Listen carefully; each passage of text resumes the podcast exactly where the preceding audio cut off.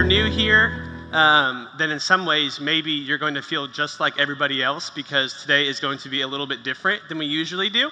Um, in like modern Protestant church culture, we're really, really used to the sermon being kind of the focus of the Sunday morning.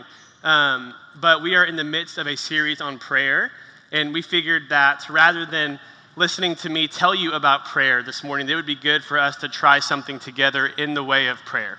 And so this morning, we are going to spend time um, praying.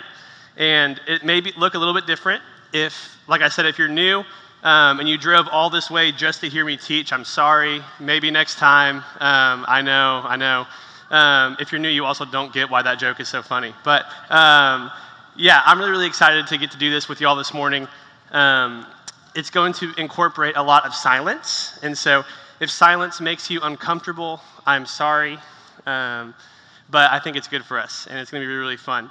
So last week, Matt gave us a list for discerning God's voice. And the first thing on that list was um, God using Scripture to speak to us. And so this morning, we're going to join in the tradition of the church that we are a part of, and I'm going to read Scripture over us as we simply sit and ask God to speak to us.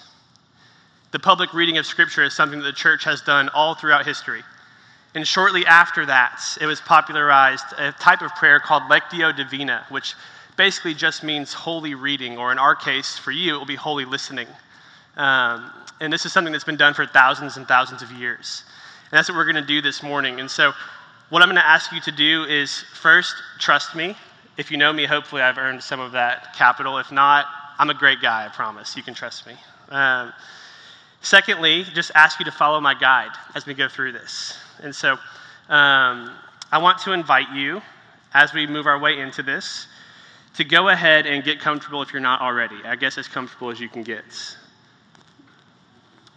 We believe that God has given us our imagination, that it is a gift from God that we can sit and we can visualize things. And so, to prepare for this practice, we're going to kind of do like an athlete does for a game, we're going to warm ourselves up. I want you to imagine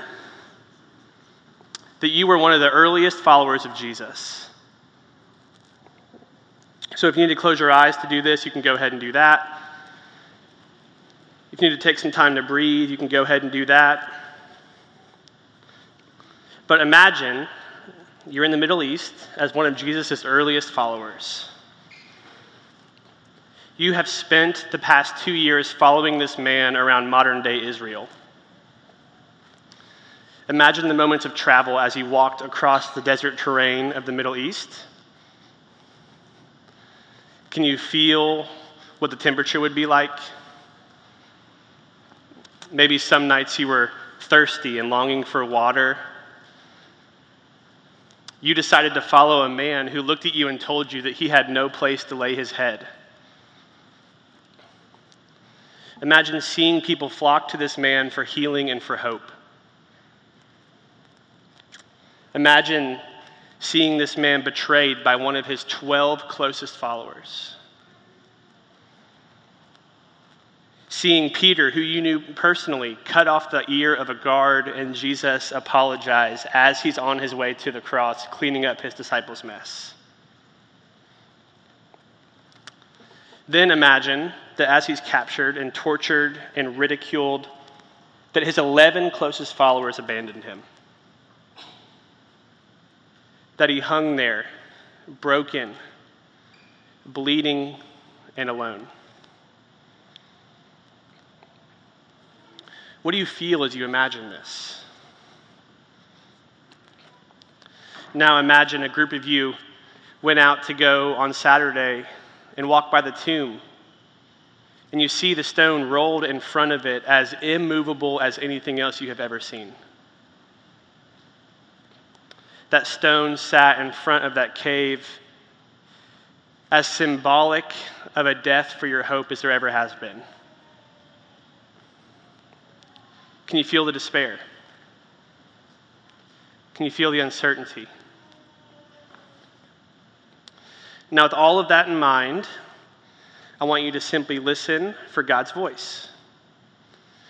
In Lectio Divina, I'm going to read a passage of Scripture and all we are doing is simply asking God to make something stand out. It could be a phrase, a section, a word, anything. We, be- we believe that God not only desires to, but actually does speak to us. And so, I'm going to read it two times total. After the first time, we're going to take some time to simply sit and reflect. And I want you to hear from me that there is no performative pressure to hear anything. We are learning to hear God's voice. And you don't have to, if this is your first time especially, you don't have to have some grand, amazing experience of this. We're not into sensationalism. We're not doing this for like being sensational. We're not trying to perform. We're simply trying to draw near to the presence of God and ask Him to speak and train ourselves to more clearly hear His voice. So, I'm going to read this passage the first time and simply listen and ask God to make anything stand out. Early on the first day of the week, while it was still dark, Mary Magdalene went to the tomb and saw that the stone had been removed from the entrance.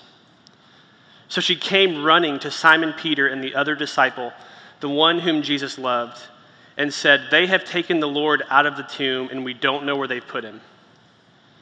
So Peter and the other disciple started for the tomb. Both were running, but the other disciple outran Peter and reached the tomb first. He bent over and looked in at the strips of linen lying there, but did not go in. Then Simon Peter came along behind him and went straight into the tomb. He saw the strips of linen lying there, as well as the cloth that had been wrapped around Jesus' head.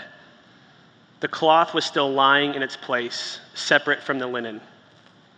Finally, the other disciple who had reached the tomb first also went inside. He saw and believed, for they still did not understand from Scripture that Jesus had to rise from the dead.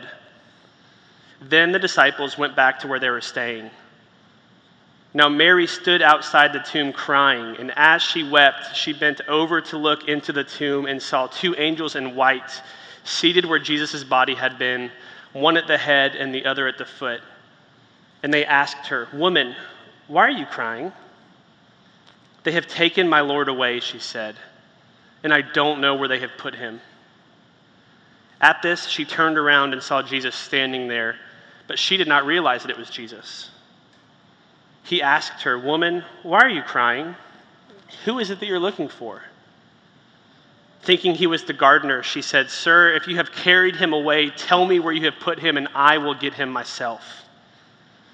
Jesus said to her, Mary. She turned towards him and cried out, Rabbi, which means teacher. And Jesus said, Do not hold on to me, for I have not yet ascended to the Father. Go instead to my brothers and tell them, I am ascending to my Father and your Father, to my God and your God. At this, Mary Magdalene went to the disciples and told them the good news I have seen the Lord. And she told them that he had said these things to her. And on the evening of that first day of the week, when the disciples were together with the doors locked for fear of the Jewish leaders, Jesus came and stood among them and said, Peace be with you. After he said this, he showed them his hands and his side and the disciples were overjoyed when they saw the Lord. Again, Jesus said, Peace be with you. As the Father has sent me, I am sending you. And with that, he breathed on them and he said, Receive, and he said, Receive the Holy Spirit. If you forgive anyone's sins, their sins are forgiven. If you do not forgive them, they are not forgiven. Now, Thomas, one of the twelve, was not with the disciples when Jesus came. So the other disciples told him, We have seen the Lord.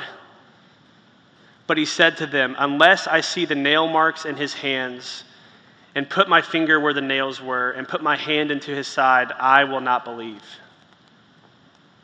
A week later, his disciples were in the house again, and Thomas was with them. Though the doors were locked, Jesus came and stood among them and said, Peace be with you. Then he said to Thomas, Put your finger here See my hands. Reach out your hand and put it into my side. Stop doubting, Thomas, and believe. Thomas said to him, My Lord and my God.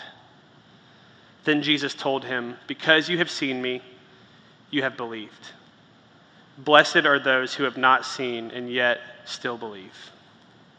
And that is the word of the Lord for the people of God this morning. I want to invite you, the first movements of Lectio Divina is to simply sit and to receive. So we are simply asking God to speak to us. So take some time, just a couple minutes, um, and receive whatever God may be saying to you. Okay, the next part of Lectio is to read the passage again, and so I'm going to read it again over you. If something stood out from the first time, simply ask God, maybe God clarify. Um, help me to more clearly understand what it is you're saying or why this is standing out. What are you trying to show me? Early on the first day of the week, while it was still dark, Mary Magdalene went to the tomb and saw that the stone had been removed from the entrance. So she came running to Simon Peter and the other disciple, the one that Jesus loved, and she said, They have taken the Lord out of the tomb, and we don't know where they've put him. So Peter and the other disciple started for the tomb. Both were running, but the other disciple outran Peter and reached the tomb first.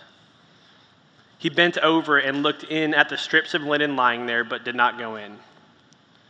Then Simon Peter came along behind him and went straight into the tomb. He saw the strips of linen lying there, as well as the cloth that had been wrapped around Jesus' head. The cloth was still lying in its place, separate from the linen. Finally, the other disciple who had reached the tomb first also went inside. He saw and believed. They still did not understand from Scripture that Jesus had to rise from the dead. Then the disciples went back to where they were staying. Now, Mary, however, stood outside the tomb crying. As she wept, she bent over to look into the tomb and saw two angels in white seated where Jesus' body had been, one at the head and the other at the foot. They asked her, Woman, why are you crying? They have taken my Lord away, she said, and I don't know where they have put him. At this, she turned around and saw Jesus standing there, but she did not realize that it was Jesus. He asked her, Woman, why are you crying? Who are you looking for? Thinking he was the gardener, she said, Sir, if you have carried him away, tell me where you have put him, and I will get him. Jesus said to her, Mary she turned towards him and cried out in Aramaic, Rabbi, which means teacher. Jesus said, Do not hold on to me, for I have not yet ascended to the Father. Go instead to my brothers and tell them, I am ascending to my Father and your Father, to my God and to your God. Mary Magdalene went to the disciples with the news, and she said, I have seen the Lord. And she told them that he had said these things to her. On the evening of that first day of the week, when the disciples were together with the doors locked for fear of the Jewish leaders, Jesus came and stood among them, and he said, Peace be with you. After he said this, he showed them his hands and side. The disciples were overjoyed when they saw the Lord. Again, Jesus said, Peace be with you. As the Father has sent me, I am sending you. And with that, he breathed on them and said, Receive the Holy Spirit. If you forgive anyone's sins, their sins are forgiven. If you do not forgive them, they are not forgiven. Now, Thomas, one of the twelve, was not with the disciples when Jesus came. So the other disciples told him, We have seen the Lord. But he said to them, Unless I see the nail marks in his hands, and put my finger where the nails were, and put my hand into his side, I will not believe. A week later, his disciples were in the house again, and Thomas was with them. Though the doors were locked, Jesus came and stood among them, and he said, Peace be with you. Then he said to Thomas, Put your finger here. See my hands. Reach out your hand and put it into my side. Thomas, stop doubting and believe. Thomas said to him, My Lord and my God. Then Jesus told him, Because you have seen me, you have believed. Blessed are those who have not seen and yet have believed. This is the word of the Lord for the people of God. the next step of this is to move into the response section. And so, um, there's a couple different ways we can do this. Basically, it is our opportunity to respond either with each other or alone through journal or silent prayer to God and say, God, this is what I think you're saying. Or to tell someone, this is what I think God's saying. I don't really know how to fully discern this, but it's the opportunity to simply respond to what God may be doing. And so we're going to take some time. I'm going to step over to the side. But uh, we have bistro tables in the back if you want to gather around those, if you want to move your chairs around, whatever you want to do, if you want to feel comfortable, to, if you want to talk with someone else, or if you want to journal with yourself. The opportunity here is to simply respond to what we think God may be saying, okay? So go ahead, take a couple minutes and do that, and I'll come back to guide us through the last step in just a couple minutes. All right, I hate to um, break up what is something that is so beautiful, such a, a rich picture of what church is, but um, we're going to go ahead and move into the final section. Um, and this is going to be the time where we take communion. So if you didn't grab communion on your way in, they're on the bistro tables in the very back of the room. You can go ahead and grab communion right now. But the final movement in Lectio Divina um, is to give God the opportunity to respond to our response. We allow God the um, privilege of having the final say or the last word. And so we are simply going to rest in what we have received we are going to allow God to hear our response and to have an opportunity to respond to what we were responding to God with. And so, um, this is a beautiful moment to take communion, to discern the body of the saints as we do this. And so, I want to invite you to take some time and silently listen again to what God may be saying as you conclude your time, um, to take communion during this time, and then when Win and Kat come up to join them as we worship. Um, Matt and I will both be at the Respond banner in the back if this is a practice that you're interested in. Um, I typed out and printed off some guides that like tell you how to do this at home by yourself if you want this.